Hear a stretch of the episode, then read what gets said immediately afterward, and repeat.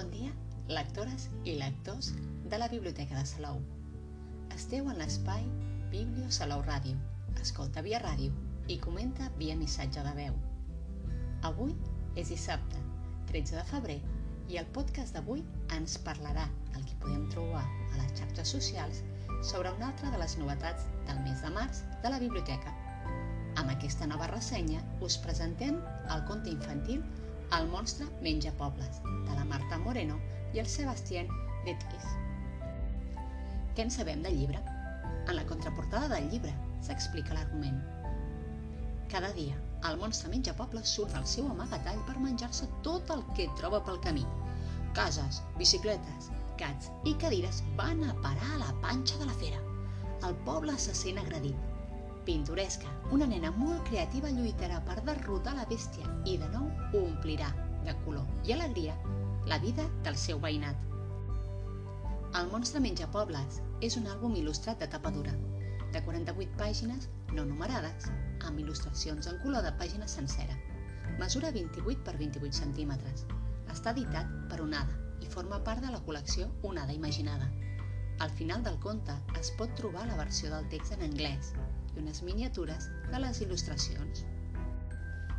El monstre menja pobles és l'obra guanyadora del sisè Premi Internacional d'Àlbum Infantil Il·lustrat Ciutat de Benicarló. El premi és un reconeixement de l'obra de la ja consolidada il·lustradora Marta Moreno i de l'autor novell Sebastián Tetis, una proposta en la qual les il·lustracions i el text formen un conjunt perfectament integrat. Revista Faristol en fa una crítica que podeu llegir a la pàgina web de la revista. El monstre menja pobles és un àlbum d'aquells que fan de bon explicar, un format generós, il·lustracions d'intensos colors i plenes de vida i una bona dosi d'humor.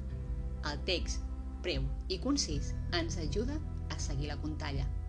El resultat és un àlbum senzill i efectiu.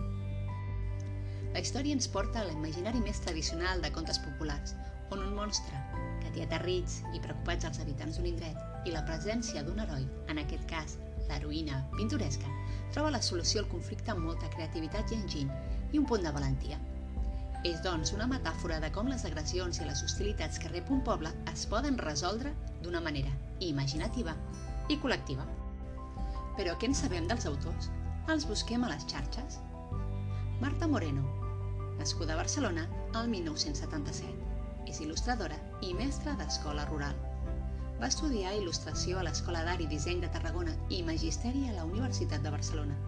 Actualment col·labora amb editorials tant en l'àmbit nacional com internacional.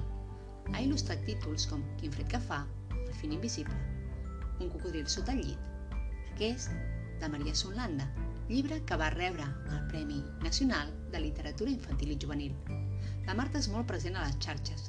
Us recomanem que la busqueu a l'Instagram, on és marta.ilustraciones. Allí hi trobareu en quins projectes està treballant actualment. Podeu trobar els contes de la Marta i molts més contes sobre monstres a la sala infantil de la Biblioteca de Salou. Sebastián Tetis, nascut a Bèlgica el 1976, és assistent social de formació. Es defineix com un showman autodidacta i polifacètic. Habilitats que l'han dut a crear espectacles on la màgia és la protagonista. Podeu trobar-lo al seu canal de YouTube on hi té penjats fragments dels seus espectacles.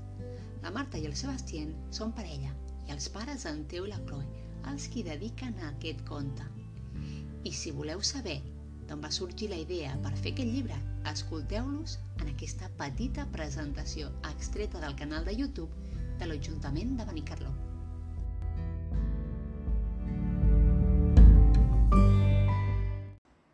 Somos Marta y Sebastián, los autores del libro El monstruo come pueblos, el monstruo menja poblas, libro que ganó el concurso de Ciudad de Benicarló al mejor álbum ilustrado. Eh, os queríamos presentar un poco de qué va este cuento y cómo surgió la idea.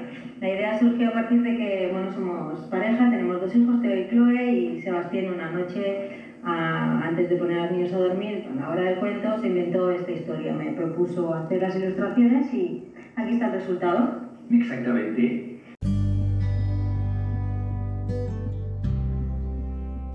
I fins aquí el podcast d'avui.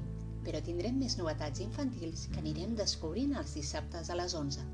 Que tingueu un bon dia i bones lectures que us acompanyin en el dia a dia.